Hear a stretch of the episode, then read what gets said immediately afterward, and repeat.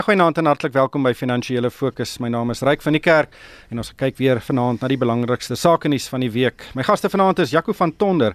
Hy is die direkteur van adviseursdienste by Investec Batebestuur. Goeienaand Jaco. Goeienaand Ryk, goeienaand uit luisteraars. En saam met my in die ateljee is Johan Gous, hy is hoof van batekonsultante by Sasfin Wealth. Goeienaand Johan. Goeienaand Trek, goeienaand Jaco. Want dit was 'n baie dit was 'n baie interessante week op die sakefront. Ons het gesien hoe Tom Moyane, die geskorste kommissaris van die Suid-Afrikaanse Inkomste Diens en die president uh bietjie in 'n groot bekgeveg betrokke geraak het en dit handel oor skynbare ongeruimthede by die Suid-Afrikaanse Inkomste Diens. Dit is 'n storie wat uh, baie belangrike implikasies vir Suid-Afrika kan hê.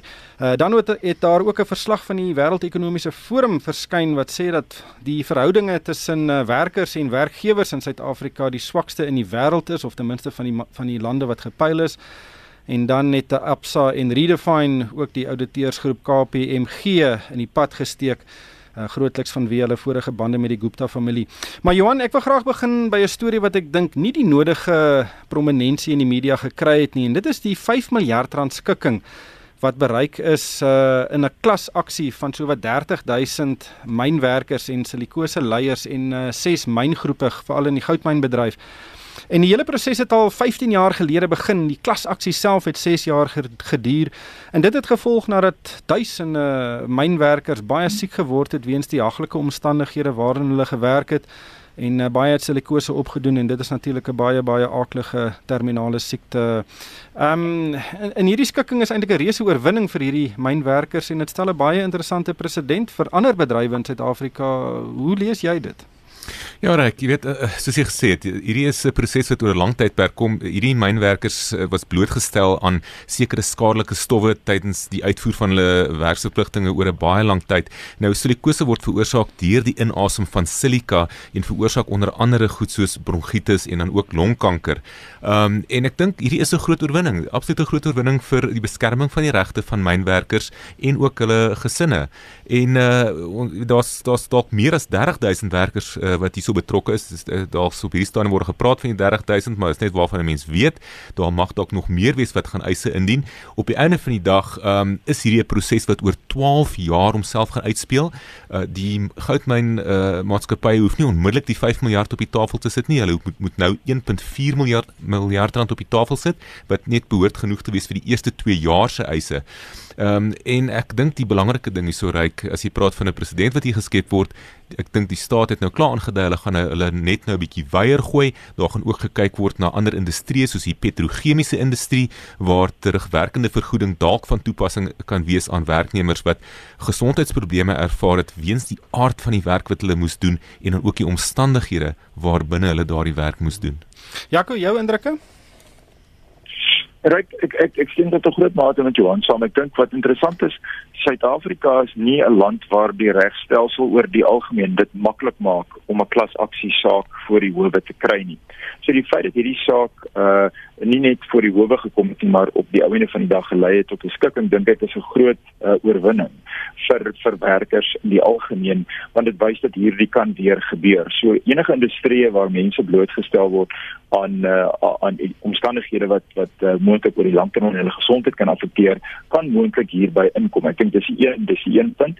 Die tweede punt is dit is vir my 'n baie groot riem onder die hart dat die goudmynbedryf in Suid-Afrika eintlik op hierdie stadium uh dan ook wys met hierdie betaling dat hulle uh weet dat hulle werklik ware langtermyn toekoms in die Suid-Afrikaanse goudbedryf sien. Ek weet ek dink dis kom op 'n tyd wanneer die mynboubedryf eintlik in Suid-Afrika vir 'n lang tyd geen investering gehad het nie. En om te sien dat die mynbou maatskappye bereid is om hierdie geld beskikbaar te stel, is vir my ook 'n aanduiding dat hulle 'n langer termyn toekoms in Suid-Afrika sien en is 'n teken van dat die vertroue in die mynbedryf besig is om te herstel. Johan, ehm um, Jaco het nou verwys na die regsproses. Uh, iets wat vir my uitstaan is daar word 'n syfer genoem dat ehm um, tot uh, 370 miljoen rand se regskoste hier opgeloop is. Die hele storie het omtrent 15 jaar geduur en in daai tyd het daar duisende mynwerkers gesterf. Uh dit het net te lank geneem en dit is te duur. Nou kyk mens na ander moontlike klasaksies uh soos byvoorbeeld en dis weet stories waaraan ek baie werk, dis die Ortho Touch en en um Highveld syndikasie klasaksie wat nog nie eens op die boeke is nie. Jy het ander weet beleggingsskemas wat wat ook dalk die teiken kan weens van klasaksies. Dink jy die regsproses het hier geseëvier of het dit maar net weer eens die mense die die slagoffers in die steek gelaat? Ja, ek dink nie as die regsproses het geseëvier het noodwendig nie. Ek dink net daar was net nie noodwendig die nodige dryf en wil om hierdie proses so vinnig as moontlik deur te vat nie en uh, op die einde van die dag sou daar in elk geval gelde betaal moes word aan hierdie regsvermis. Uh, ek dink nie is asof 'n geval was dat daar iets weggeneem is by die mense wat nou hulle eise gaan indien nie. Daai bedrag is onafhanklik bepaal, maar ehm um, wel, dit dit is net 'n bewys van hoe duur uh, so 'n proses kan raak en hoeveel uh, waardevolle bronne wel verkoos kan word in so 'n lang proses. Hmm, en dis ook hoekom die hoogste gebou in Sandton aan prokureursfirmas behoort. Uh, maar Jaco, kom ons uh, gesels 'n bietjie oor nog 'n interessante storie en dit is uh, Absa wat hierdie week vir KPMG as ouditeur in die pad gesteek het. Weens grootliks die bande wat hulle gehad het met die Gupta familie en audits wat hulle vir Gupta maatskappye gedoen het. Ehm um, die eienoomsgroep Redefine het ook later in die week vir KPMG uh, afgedank. Ehm um, weet weet net die audit fooie vir Absa word geraam op meer as 120 miljoen rand per jaar wat 'n geweldige hoop geld is. Uh wat maak jy van hierdie hele storie? Dink jy KPMG kan dit oorleef? Ek ek dink dis dis baie wat daar was se banje ook nog Vrydag, né? Uh, wat hmm. ook hulle aangedui het dat hulle hulle verhouding met KPMG gaan. So so die lys van maatskappye wat op hierdie stadium aandui dat hulle KPMG se dienste gaan gaan staak is besig om te groei elke week. Uh dit kan nie vir KPMG maklik wees nie. Um en, en ek dink die die ondersoeke wat nou nog verder op pad is van Irwa se kant af gaan verdere druk op KPMG sit en ek weet so op hierdie stadium uh na die firma te kyk en en en te en te te, te, te dink of ons of KPMG dit gaan oorleef. Uh, hierdie gaan 'n baie baie duur en moeilike proses vir hulle wees en ek dink die ver, die verlies aan kliënte soos die groot en prominente banke uh is maar net die begin van 'n baie baie moeilike proses uh vir hierdie firma. Ehm um, mens mens kan dis baie moeilik om om die banke te kritiseer of vir Sibanye of vir of vir Redefine want op die ouende is hierdie besighede se eie reputasies op die spel en as daar enigstens aanduidings is dat jou ouditeur uh, betrokke was by by ongeruimthede uh, en jy is in 'n industrie veral soos 'n bank wat dink ek banke moet twee auditeure hê in terme van die van die wet in Suid-Afrika.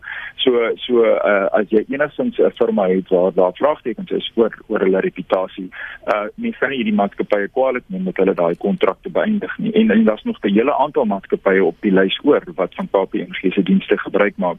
So ek dink dat hierdie hele proses is nog ver van klaar. Jaco, hoe moeilik is dit vir 'n bank om van ouditeur te verander? Normaalweg reik is is die is die proses wat banke uh het basies twee auditeurs firmas wat gelyktydig op die bank opereer en en uh, dit is nie 'n uh, uh, kyk die die banke die die auditeursfirma leer ken hoe die banke werk. Banke is groot en komplekse instansies.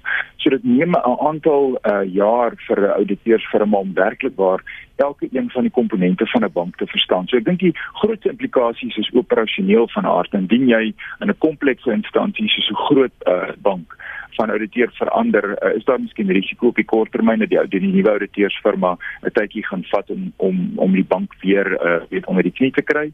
Ehm um, maar maar dit is 'n redelike klomp werk vir die bank self ook om seker te maak dat die nuwe auditeursfirma uh, weet alles skryf wat hulle wil hê. Die prosesse is gestandardiseer, maar dit is definitief Ehm um, in terme van tydsberekening egter van 'n bank dink dit moet so min as 12 maande kennis uh, baie maklik van oudit ouditeur verander en dit is wat in hierdie geval gaan gebeur.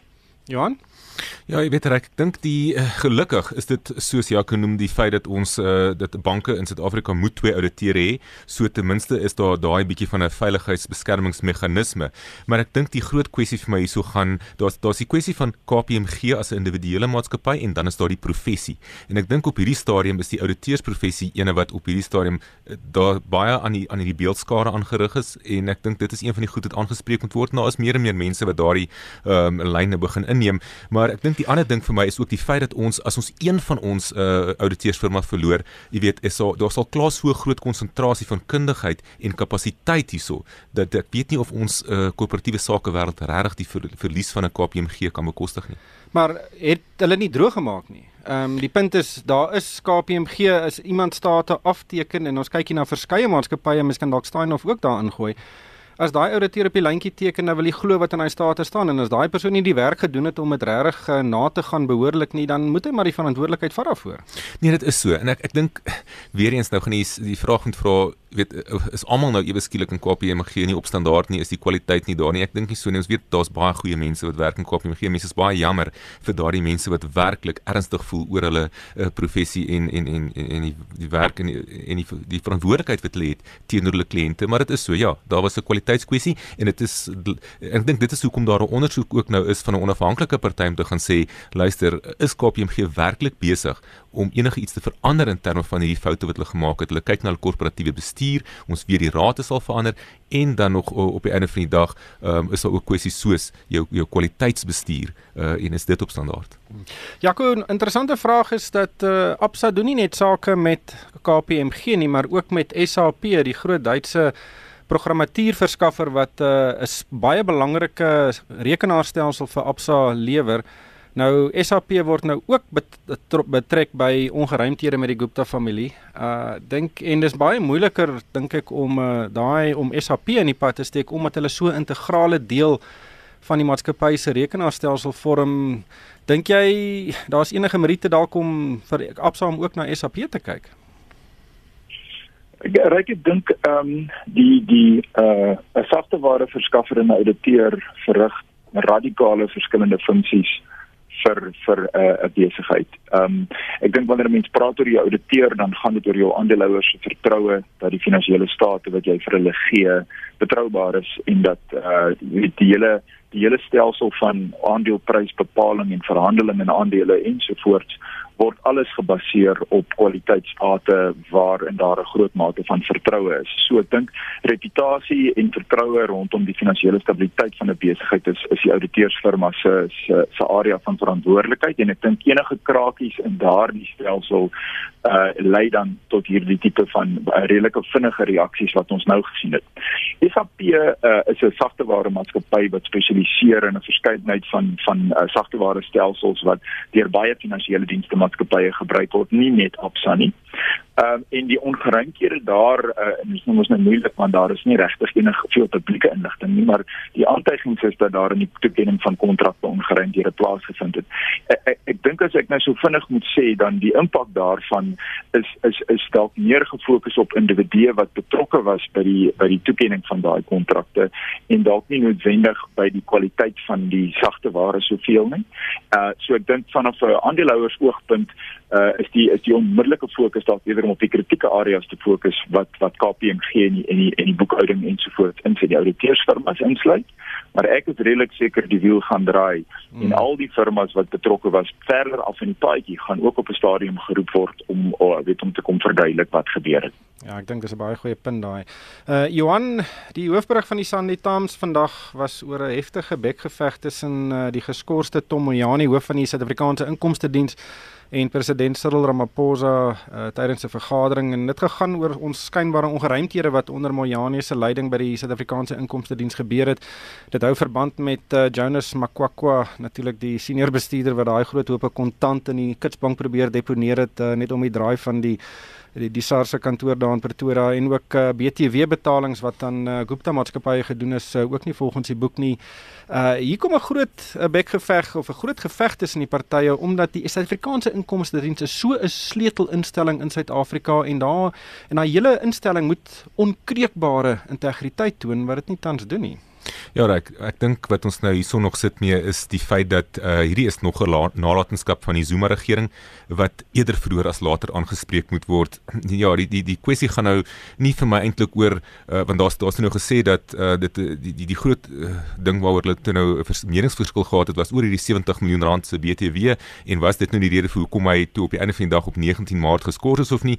Dit gaan nie eintlik vir my daaroor nie. Daar's daar's veel meer rooi vlae wat opgegaan het rondom uh, meneer Moe Moyane wat veroorsaak het dat meneer Ramaphosa vertroue in hom verloor het. Ehm um, so ek dink uh, op die einde van die dag, jy weet hy het meneer Moyane het nou gevra vir sy sy dag aan die hof. Ek dink hy moet baie versigtig wees vir waarvoor hy vra en miskien moes hy maar eerder gegaan het met daai 1 jaar se salaris wat ehm um, meneer Ramaphosa vir hom aangebied het en dan kon hy net maar net ehm um, jy weet op sy perd geklim het en oor die horison gery het, maar op hierdie stadium skop hy nog vas en vra hy nog vir sy 18 maande se salaris en 3 jaar se finansiële jare se bonusse daarbey. Ehm um, so ek dink hierdie is maar net 'n geval van ons ons ons hierdie is 'n skoonmaakproses soos ek sê wat nog 'n hele rukkie gaan duur. Ehm um, maar dit is 'n belangrike een want op 'n stadium was SARS die uh, staatsinstelling geweest waarna almal opgekyk het in terme van die standaarde wat gestel is. Ja, maar Janie vra natuurlik ook vir 'n baie positiewe getuigskrif wat hy na sy volgende werknemer kan neem. Uh, Jaco, hoe lees jy hierdie storie? Ja, nee, kyk, ek dink jy gaan op bitter baie water in die see loop rondom SARS ehm um, die die probleme ek dink Johannes baie reg die, die probleme rondom SARS gaan tot 'n groot skaal tot 'n groot mate oor 'n oor 'n dit skade wat aangerig is oor die hele firma. Ons weet van hoeveel honderde gekwalifiseerde, hoogs gekwalifiseerde tegniese mense wat by SARS uh, gewerk het wat die laaste 3, 4 jaar die diens van SARS verlaat het grootendeels omdat die werksomstandighede daar net eenvoudig onuithoudbaar geraak het. En hierdie is die is die kritieke uh kernmense wat wat verantwoordelik is vir die uh, vir die belastingaanslae van van Suid-Afrika en korporatiewe Suid-Afrika asook die die individue in Suid-Afrika wat belasting betaal. En ek dink uh ons kon die impak daarvan sien op die verswakkende ehm uh, die verswakkende resultate in die in die belastinginwinning nommer 1 maar nommer 2 ook die dienslewering. Die klagtes rondom SARS hantering van navraag en en hoe vinnig hulle terugkom en hoe hulle die uh, probleme met maatskappye uitsorteer in die algemene manier hoe hulle met korporatiewe Suid-Afrika gewerk het, ehm um, het tot 'n groot uh, kommer aanleiding gegee. So ons sien hierdie as 'n absolute kritieke eerste stap in die rigting daarvan om SARS uh, reg te kry, is om van die bestuursvlak af die korrekte mense in te kry en om dan stadig maar seker te begin om hierdie areas waar goed verkeerd geloop het een vir een te ondersoek. Uh maar maar ek dink daar's heelwat uh, ongeruimthede gewees hier wat hmm. een vir een aangespreek gaan moet word en ek dink daar gaan nog baie nuusbrokkies hieroor uh, uitkom. Verseker interessant. Ons het nog so 2 minute oor Johan.